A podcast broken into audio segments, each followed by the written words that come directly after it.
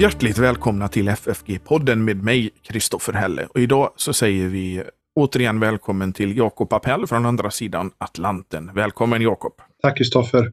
Vi ska fortsätta vårt eh, samtal om det här med hopp i orostider, så det blir del två på det här. En fristående fortsättning. Först vill vi ju faktiskt säga att om man vill så kan man ju ge ett bidrag till eh, församlingsfakulteten och den här poddens arbete. Och det gör man ju lättast via Swish. Numret är 123 100 8457. Och så märker man ju det med FFG Gåva eller FFG Podcast så kommer det fram till rätt mottagare.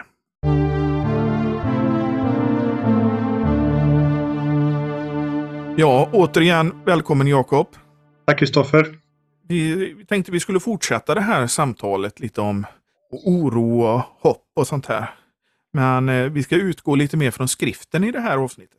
Det kan väl vara passande. Det blir mera reflektioner och tankar kring, kring det som är i tiden i förra avsnittet. Och det är klart att vi försöker att hela tiden få Guds perspektiv på det. Men, jag, men eh, det finns några konkreta bibelställen som, eh, som talar in i, i den tid som är. Jag tänkte jag läser upp det första vi ska tala om och det är eh, i Filipperbrevet kapitel 4, verserna 6 och 7. Gör er inga bekymmer för något, utan låt Gud i allt få veta era önskningar genom åkallan och bön med tacksägelse. Då skall Guds frid, som övergår allt förstånd, bevara era hjärtan och era tankar i Kristus Jesus. Ja, så skriver Paulus till församlingen i Filippi. Vad säger det oss idag? På sätt och vis är det ju en tidlös uppmaning till oss att eh, lägga märke till att först så säger han gör er inga bekymmer. Och vi vet ju alla att bekymmer är en del av vardagen. Det står i Psaltaren så när livet är som bäst är det möda och bekymmer och, och vi som föräldrar vi vet att våra barn är vårt glädjeämne, glädjeämne men det är också vårt stora bekymmer vi har att, att stå i. Så vi har fått vissa bekymmer som är vår dagliga plåga som Jesus kallar det. Var dag har nog sin egen plåga. Men han säger här, Paulus, att vi inte ska göra oss bekymmer. Det måste betyda att vi kan göra oss bekymmer utöver de bekymmer som så redan ålagda oss. Och jag uppfattar det så att orsaken till att vi gör oss bekymmer är inte i första hand att livet skulle vara så enkelt alltid, utan att vi mister det som kommer sen, nämligen att vi glömmer bort eller vi försummar att låta Gud veta allt. Hur står det nu? Låta Gud veta allt genom åkallan och bön och, och tacksägelse. Om vi stannar upp inför vad det säger oss som ett slags motgift mot att göra oss bekymmer så förstår vi att bönen har den effekten att Gud släpps in i, vår, i våra bekymmer och våra svårigheter och plågor och får också sitt ord med i leken. Han får plats och han får vara med och bära bekymret, vilket är, är det viktiga här. Men då skriver han ju också att då skall Guds frid som övergår allt förstånd bevara era hjärtan och era tankar i Kristus Jesus. Så att det är ju en jätteinställning det handlar om. Ja, och det är så viktigt att komma ihåg det, för vi har ju lätt att tänka så här att ja, men vi ska be mer. Ja, då ska vi tänka så här, ja, vi måste be att Gud ska stoppa Putin eller stoppa pandemin eller, eller fixa alla möjliga problem som vi har. Men det är inte i första hand vad bönen gör. Eller man brukar bara säga så här att det viktigaste med bönen är inte vad, vad den ska göra med Gud, utan vad Gud gör med oss genom bönen. Och låt oss lägga märke till då att det är tre saker som, som Paulus beskriver bönen består i, nämligen att vi utgjuter våra önskningar. Det är det som också som bok som Saltaren ger uttryck för, att man utgjuter sitt hjärta för honom. Säg det som det är. När Gud många gånger i Bibeln ställer frågor till, till oss eh, människor, till exempel Elia där i öknen, vad gör du här? Så är det inte för att Gud inte vet, utan för att han vill att Elia ska svara och säga och säga som det är och utgjuta sitt hjärta. Och det gör vi i bönen, vi utgjuter vårt hjärta, säger som det är eh, det är en del av bönen. Sen är det också att vi ska göra det med åkallan. Åkallan sätter kanske fingret mera på vem vi talar till. Det är Gud, vår fader. Och hur kan vi få kalla honom vår far? Jo, det gör vi genom Jesus Kristus och, och den heliga Ande som manar oss i våra hjärtan. Det har att göra med gudsrelationen. Och åkallan är ett uttryck för en, en slags förtröstan. Jag, jag, vågar nalkas min fader. Jag vet att jag med tillförsikt och visshet kan få tala till honom att han ska höra våra böner. Vilket sätter fingret på frälsningsvisshet. Hur kan jag med visshet komma till honom? Och det kanske inte är självklart för mig att, att han gör. Och, att han, och då blir det också en viktig så säga, grundfråga. Hur kan jag veta att jag är Guds barn att han hör mig? Och den tredje saken är att, att också göra detta med tacksägelse. Och jag tror vi var inne på det lite grann i förra avsnittet. Att när det går utför, det blir sämre och sämre och det, det ena sätter igång det andra. Så kan man ju lätt drabbas av det här negativistiska och klagovisor. Och det finns utrymme för, för klagan. Läs Psaltaren så förstår du att man får verkligen utgjuta sin, sin, sin nöd. Men man ska inte göra det utan eh, tacksägelse. Det är en slags, bara på ett rent mänskligt plan, eh, tacksamhet och att uttrycka tacksamhet är en slags friskvård. Att bara hålla huvudet friskt och fritt från det här absolut negativistiska och, och dystra och klag, klagande som inte leder någon vart. Utan jag, genom tackelse så tänker jag efter och talar till Gud om vad jag har anledning att vara tacksam för. Och så kan jag upptäcka bara genom att räkna mina tacksägelseämnen. Jag har det bättre än vad många andra i den här världen har och, och, och, och tidigare i historien. Och jag har det bättre än vad jag förtjänar. Det står ju så i klagovisorna här att det är din nåd att inte är ute med mig. Jag kan ju känna att det är ute med mig, men nej, det är inte ute med mig. Och det är Guds nåd att, att det inte är värre. Och när dessa tre saker får komma in i min bön och få, få prägla min, min bön, då kommer också detta med Guds frid in. Då handlar det inte bara om att Gud fixar mina problem och att det blir en bättre värld, utan att Guds frid får tränga in och få bevara mitt hjärta och min tanke i Kristus Jesus, min frälsare. Och det är det viktigaste med bönen. Att hjärtat blir bevarat och tanken blir bevarat hos Kristus Jesus. Med allt vad han har gjort och allt vad han gör och han vill med mig och mitt liv. Och det har också helt avgörande konsekvenser för min inställning till svårigheterna och till, till omvärlden när det får ske. Men sen är det ju så att människor gör sig bekymmer ändå. Vi människor, tack vare eller på grund av syndafördärvet, gör oss väldigt mycket bekymmer. Ja. Och då skriver ju Petrus i sitt första brev i kapitel 5, vers nummer 7 att och kasta alla era bekymmer på honom, ty han har omsorg om er. Ja, om, man, om man nu tänker det så här att bönen blir så att säga att släppa in Gud i bördan och bekymret. Då möter jag bekymren och bördorna inte utan Gud utan med honom. Och det gör all skillnad i världen.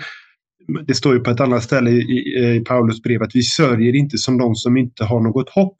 Men vi sörjer, men inte utan hopp. Och på samma sätt här, vi bekymrar oss, men inte utan Herren och att han får vara med och bära bekymren och har också till slut också fått dem eh, kastade på sig. Det förändrar bekymren, de, de försvinner inte, men Herren är med in i det. Och det finns en frid i detta att Gud eh, ser och vet och, och, och bär. Vi kan tänka på en sån som Josef i Gamla Testamentet. Det står eh, efter alla sorger och bedrövelser och ena världen i andra i, i fängelset så står det att Gud var med honom. Och det måste ju bero på att Josef la märke till det och öppnade upp för det och tänkte att nej, men det är inte så nattsvart. Han måste ha kastat sina bekymmer och fått veta att Gud, Gud har omsorg och bär. Och så var Gud med honom i mörkret och visade sedan att allt detta onda använde Gud sedan till något gott som gick långt utöver vad, vad, vad vi kan be om eller tänka eh, i detta som hände med Josef och hans bröder och, och hungersnöden och, och eh, försörjningen från Guds sida. Så att återigen där att vi gör oss bekymmer. Och det är väl den här påminnelsen om att vi, vi, vi ska inte glömma den dagliga omvändelsen och att vända oss till Herren vår Gud som har allt i sin hand och som vet och som bär och som vi är helt beroende av i stort och smått. Jag tänkte just det här att kasta sina bekymmer på honom, det är också att säga förlåt mig för Jesu Kristi skull vad jag har brutit och försummat.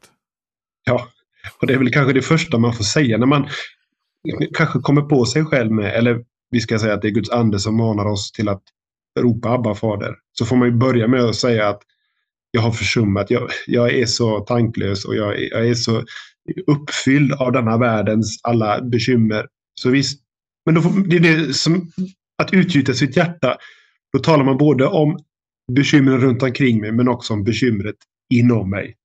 För, för det är ju till slut det som är, är det största bekymret. Det som mitt hjärtas inställning till, till allt och, och min respons på allt som, som sker. Och det är ju lite det här om man tar det här med omvändelse som bild. Vi pratade om det lite innan. att Förut, eh, innan man kom till tro, så var man vänd mot världen och synden. Men sen så blir man omvänd av Guds ande och blir istället vänd mot Jesus. Det är liksom inställningen är att när jag är vänd mot Jesus så kan jag kasta alla mina bekymmer på honom och han kommer med sin nåd till mig. Och Vi har anledning att tacka Gud för allt det verk som Guds ande gör för att föra våra hjärtan och våra tankar tillbaka till honom, att fråga efter honom och vänta på honom. Om man nu tänker på den tid som vi nu lever i, som är framkallar mycket oro, och ångest och frågor och ovisshet och allt det där. Så kan det ha det goda med oss att jag blir påminn om att jag har kanske försummat min Herre och skapare. Tänk på din skapare i din ungdomsdagar, står det. Innan de, on, eh, innan de onda dagarna kommer och du säger jag har ingen glädje i dem. Så kanske det har blivit för många av oss att ja, nu är de onda dagarna här. Jag har ingen glädje i det här. Och så säger det också att ja, jag har försummat att tänka på min skapare. Nu har de sju goda åren varit. Om vi tänker på Josef igen. Nu är de sju onda åren.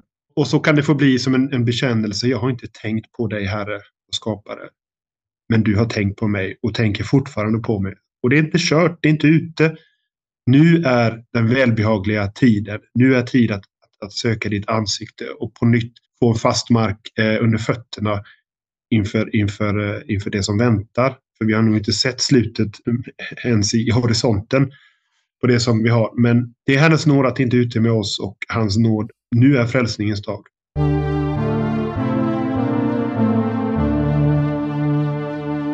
Sen så eh, finns det ju vissa saker i, i Saltaren här om, om just det här med tröst. Och att, I Saltaren 119 som är Bibelns längsta bok så står det i versen 76 Låt din nåd vara min tröst, så som du har lovat din tjänare.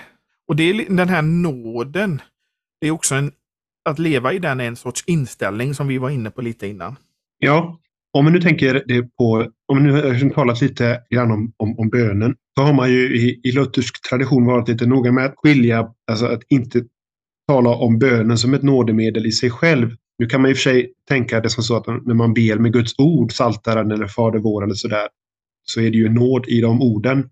Men, men låt oss säga att, att vi nu har talat om bönen inte som ett nådemedel utan vi går till nådemedlet framför nådemedel, ordet själv, Guds ord.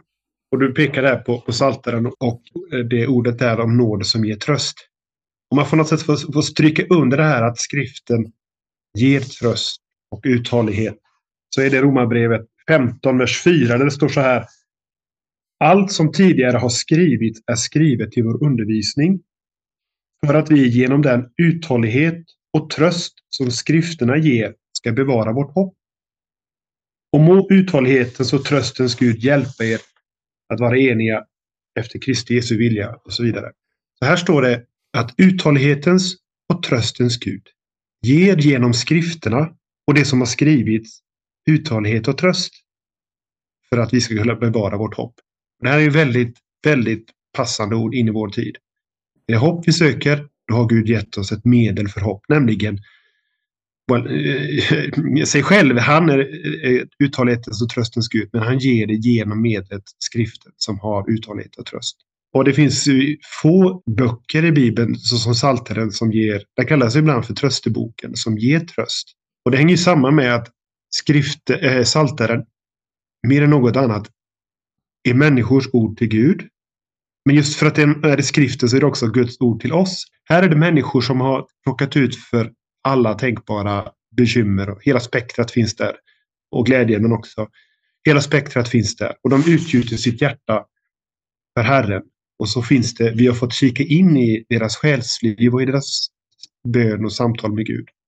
Och så märker vi att här är människor som har lidit och haft det svårt. Och så märker vi att människor har talat till Gud och de har fått perspektiv på sin situation och sin nöd och fått tröst av Gud. Och så har deras ord där i Psaltarpsalmen blivit till tröst också för oss. Vi känner igen oss i deras, i deras svårigheter. Och vi känner igen vår Gud som är deras Gud. Och vi ser att den, denne guden ger oss tröst genom de här orden. Väldigt förunderligt. Så att trösten ligger inte i att andra människor också haft det svårt, utan trösten är att Gud såg dem, förstod dem och bar dem och trösta dem också med sitt ord och sin hjälp och, och, och att ge perspektiv in på deras, som, som Saltaren är fyllt, fyllt utav. Jag tänker just på i Saltaren 119 så säger han som du har lovat din tjänare. Det är det här löftet om nåd, försoning, om Jesus helt enkelt. Det här, I Gamla Testamentet har vi löftet om, och det har vi fortfarande på, på sätt som Jesus har kommit, men det är ändå löftet om nåd för Jesu Kristi skull. Ja, och det är en väldigt viktig sak och också ett litet adelsmärke för, för luthersk tradition att, att vi kan ha en visshet om Guds nåd. Inte bara eh, ovisst lite sådär famlande och hoppas i största allmänhet att, att Gud är god mot dem som är goda eller något sånt där. När åskan går, när det riktigt brakar under fötterna, då, det är då människors ovisshet väcks på liv på allvar råka ut för allt det här på grund av mina, på grund av mina faktiska synders skull. Det kan väcka eh, ångest hos den bäste och den frommaste. Hur kan jag veta att Gud är nådig? Hur kan jag vara viss om att han hör min bön och att han vill ta emot mig och att han inte har förkastat mig? Och då, då kommer detta med försoning in vad Kristus har gjort för oss som, som så viktigt. Och vad han också har lovat. Han har alltså bundit sig vid, vid löftesord som vi får ta och göra till våra. Och liksom säga till Gud att detta har du lovat och på den grunden kan jag vara viss om ditt hjärtelag, att du är nådig. Och, och den blir, det blir så att säga den, den första fundamentet för hur jag tacklar de här svåra sakerna som möter. Att jag är viss om Guds välbehag och nådiga vilja mot mig. Så att skulle det gå ännu värre, eller jag till och med skulle förlora livet i det här, så vet jag för Kristi nåds skull att mitt liv är i goda händer. Det står på ett annat ställe i Psaltaren, Guds nåd är bättre än liv. Därför att med Guds nåd så har jag liv i evighet. Så att även om jag dör så ska jag leva hos honom för evigt. Och att få fatt på det här att Guds nåd är alltigenom avgörande och också därmed den största trösten. Ja, det är ju det att den som är förvissad om frälsningen har inget att frukta egentligen. Sen, sen finns det ju kvar eh, liksom fruktan hos oss så länge vi är kvar här på jorden. För människan är ju simul justus et peccator. Ja. Så det finns, det finns ju kvar ständigt oron och, och, och det här liksom. Även fast man är viss om sin räddning, sin frälsning. Ja, och, och, och, så kommer det alltid att vara till vår dödsbädd. Kanske på dödsbädden kommer liksom alla minnen från, från ungdomssynder och svårigheter som man har liksom, orsakat själv och sådär in. Och kan då Gud till slut ändå vara mig nådig? Och då är det också viktigt att i sin krafts dagar bygga sin tro på löften, Guds ord och löfte. På vilka grunder kan jag få vara viss om ett lyckligt slut, en salig död? Och redan nu, i, i, i som sagt, i, i, i ungdomsdagar eller kraftsdagar, öva trons grund på det, på det viset för att också vara beredd när det, när det riktigt trycker på. Varför det, är, det står ju så i, i Romarbrevet 8. Är Gud för oss, vem kan då vara emot oss? Så kommer hela denna långa lovprisning för vad Gud har gjort för att vi ska kunna räkna med att Gud är för oss. Han som inte skonade sin egen son utan utlämnade honom för oss alla. Hur skulle han kunna annat än också skänka oss allt med honom? Tänk, tänk så stort. Är Gud för oss? Ja, det är ju frågan. Vem kan då och vad kan vara emot oss? Och så kommer senare här då. Vem kan skilja oss från Kristi kärlek? Detta Guds för oss. Kan nöd eller ångest, förföljelse, hungersnöd, nakenhet, fara eller så? Nej, det kan inte ens det det som vi kanske känner som ett uttryck för att nu har Gud verkligen övergett oss. Nu får vi vår synder förtjänat. Ja, nu, nu går det under. Men inte ens det skiljer oss från det Kristus har gjort för oss. Och som han med sin ande påminner oss om genom vissa och trygga löftesord som skriften, som skriften ger. Och därför så är skriften så avgörande för den här uthålligheten och den här trösten som skrifterna ger. Och någonstans så kanske man kan tänka så här att uthålligheten som Gud ger den bygger på Guds uthållighet med oss. Mm. Han har väl anledning att tröttna på oss, att det inte blir så mycket bättre efter alla år. Men Guds nåd är varje morgon ny och uthållighetens Gud ger oss också då uthållighet att hålla fast vid honom och att hoppas på honom och vänta på honom. För han ger både uthållighet och tröst. Men de här osäkerheterna som du nämner, det är också sånt som den onde försöker intala oss människor om att det är så, så är fallet så att vi ska börja tvivla? Jo, om, om man nu tänker så här att Satan sa till, eh, eh har Gud sagt, eh, för att på något sätt locka Eva till att göra det förbjudna. För det är ofta först så det börjar, att han drar oss bort ifrån Guds bud för att vi ska söka lyckan utanför Guds vilja och så vidare. Och sen när vi förbryter oss och vi inser att synden, lön är döden och allt det där. Då kommer ju Satan åter in. Har då Gud sagt att Jesu Guds sons blod renar oss från alla våra synder? När det är så illa ställt. Men då är svaret detsamma. Så lyder Herrens ord. Gud, vi tackar dig. Har du bundit dig vid detta löftesordet så kan du, som inte kan ljuga, du är trofast och, och, och du är vi trolösa, Gud förblir trofast, står det. Det är det dyrbaraste vi har. Guds utsträckta händer genom de här orden som vi får göra till våra egna. Och nästa stycke som vi har är att vi har, ska titta lite på andra Korintierbrevet, första kapitel, verserna 5 och 6. Ty så som Kristuslidanden flödar över oss, så överflödar genom Kristus också den tröst vi får. Om vi lider nöd sker det för att ni skall få tröst och frälsning.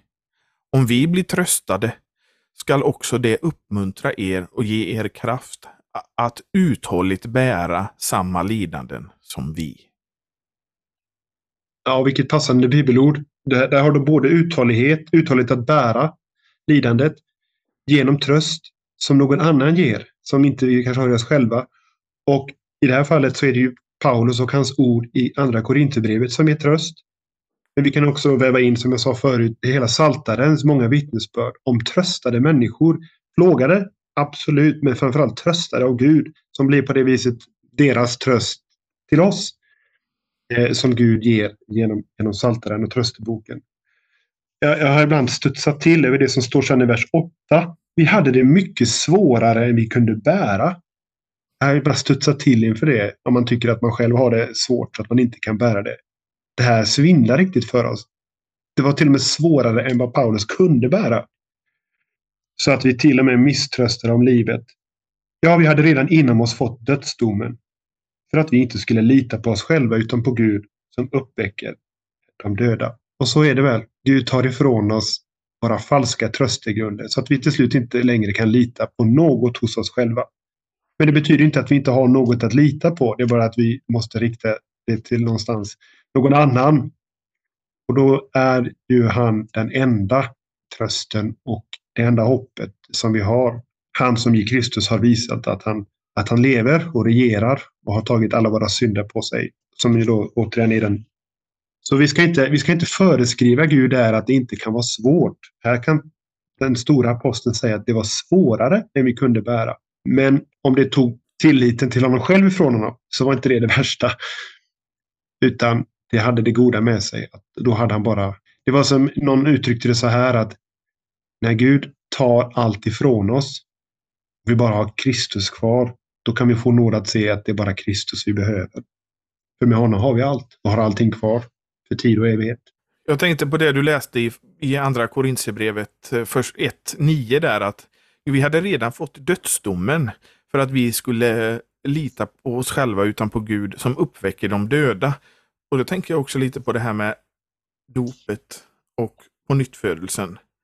Så att de som misströstar har ju ändå den kristna födelsen så att säga att gå tillbaka på.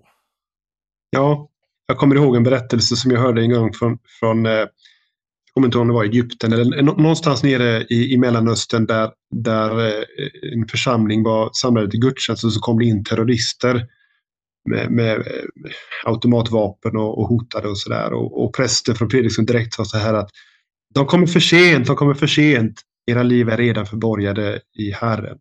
Ni är redan döda och begravda, uppståndna med Herren. De kan inte ta ert liv ifrån er. Och det är ju dopets verklighet. Vi har redan blivit döda och begravda. Men vi har fått uppstå till ett nytt liv som är dolt till Gud, men som ska bli uppenbart på uppståndelsens dag. Det är dopets gåva. Och ett, ett dop att också öva sig att öva sig i den tron att så är det. Och då inte heller frukta för människor, att inte frukta inför, inför döden, att inte frukta inför, eh, inför morgondagen.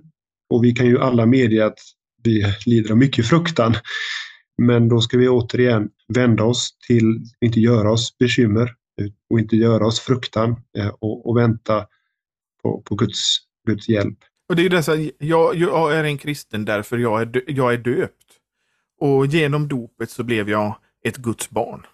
Ja, och eh, återigen att, att öva, öva sig i sitt dop, öva sin tanke. Vad, vad innebär det att jag får vara Guds barn?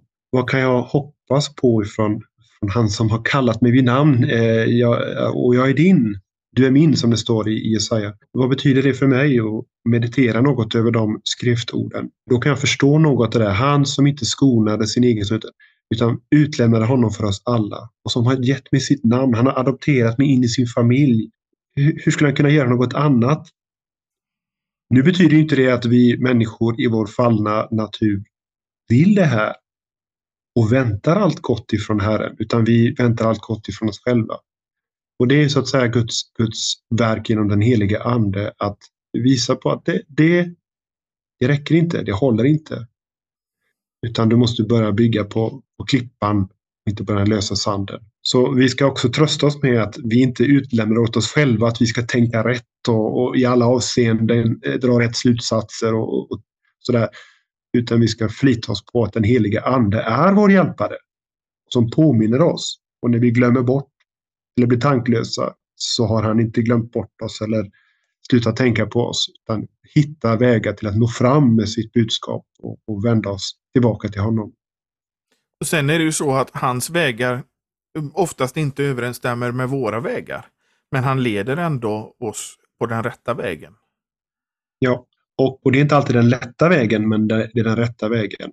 Och det är väl, man kan ju bara gå till sig själv och känna att kan det gå på något annat sätt för Guds ande? Eh, kan han lära mig på något annat sätt än genom, äh, än genom prövningar och tuktan?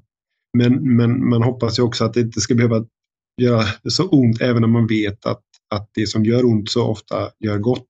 Men ähm, ja, det är genom mycket bedrövelse som vi går in i Guds rike som det står. Men det finns ändå hopp. Ja. Och hoppet är både till Kristi försoningsverk och dopets gåva som vi har fått och att den heliga ande ska med, sina, eh, med sitt troget pekande på Kristi löften eh, behålla hjärta och tanke hos honom. För Det är djupast sett där som hoppet står. Inte att världen blir bättre eller att kriget tar slut eller, eller sådär.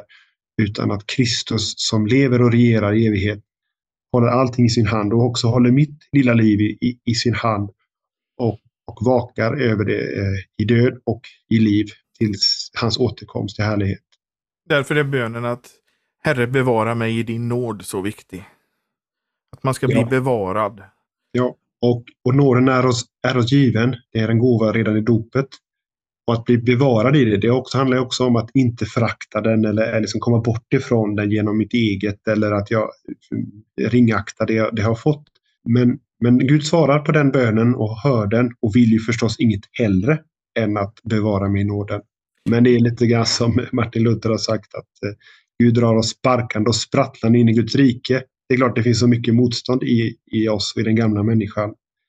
Men, men den är, det är inte, det är inte man kan förstå att det behövs en gudomsperson för att överkomma det motståndet ibland. Men lika fullt, han är vår hjälpare och den som eh, för oss till, till seger. Mm. Det var bra avslutningsord på det här andra delen om eh, hopp i orostider. För vi lever ju fortfarande i orostider med krig och inflation och, som för oss människor är lätt att eh, oroa sig över. Ja. Om jag bara får tillägga det till sist här så, så om vi, vi lever i den yttersta tiden vi, vi, vi, på sätt och vis har ju kyrkan alltid levt i den yttersta tiden eller den sista tiden. Men det finns också ett, ett slut på den yttersta tiden. Om vi lever i den tiden så vet vi att, att det är en svår tid och, och att vi, vi inte ska förvänta oss så mycket annat. Men vi ska förvänta oss Herrens hjälp och kraft och ledning därför att han vet om detta och sagt detta och har, har i allt detta uppmanat oss att inte frukta, att inte vara oroliga i den bemärkelsen att alltså oroliga är vi, men inte utan tröst, inte utan uthållighet, inte utan allt detta. Det står Andra Korinthierbrevet är faktiskt väldigt uppbyggligt i en sån här tid därför att den talar in i, i lidandet om jag bara får avsluta med, med, med de här orden ifrån, ifrån andra Korintierbrevet 4, vers 7 och framåt. Att den här skatten, det som vi har talat om, har vi i lerkärl för att den välja kraften ska vara Guds och inte komma från oss. Vi är på allt sätt trängda, men inte utan utväg. Rådvilla. Ja, vem känner sig inte rådvill? Men inte rådlösa. Förföljda, men inte övergivna. Nedslagna, men inte utslagna. Och så vidare. Att det är den här dubbelheten som vi mer än något kallas till i det här. Och att förstå att vi är inte utan hopp, vi är inte utan råd, vi är inte utan Gud. Vi är inte utan tröst. Och, och, och allt det som Herren genom sitt ord lovar och genom sin heliga Ande gör levande och sant för oss.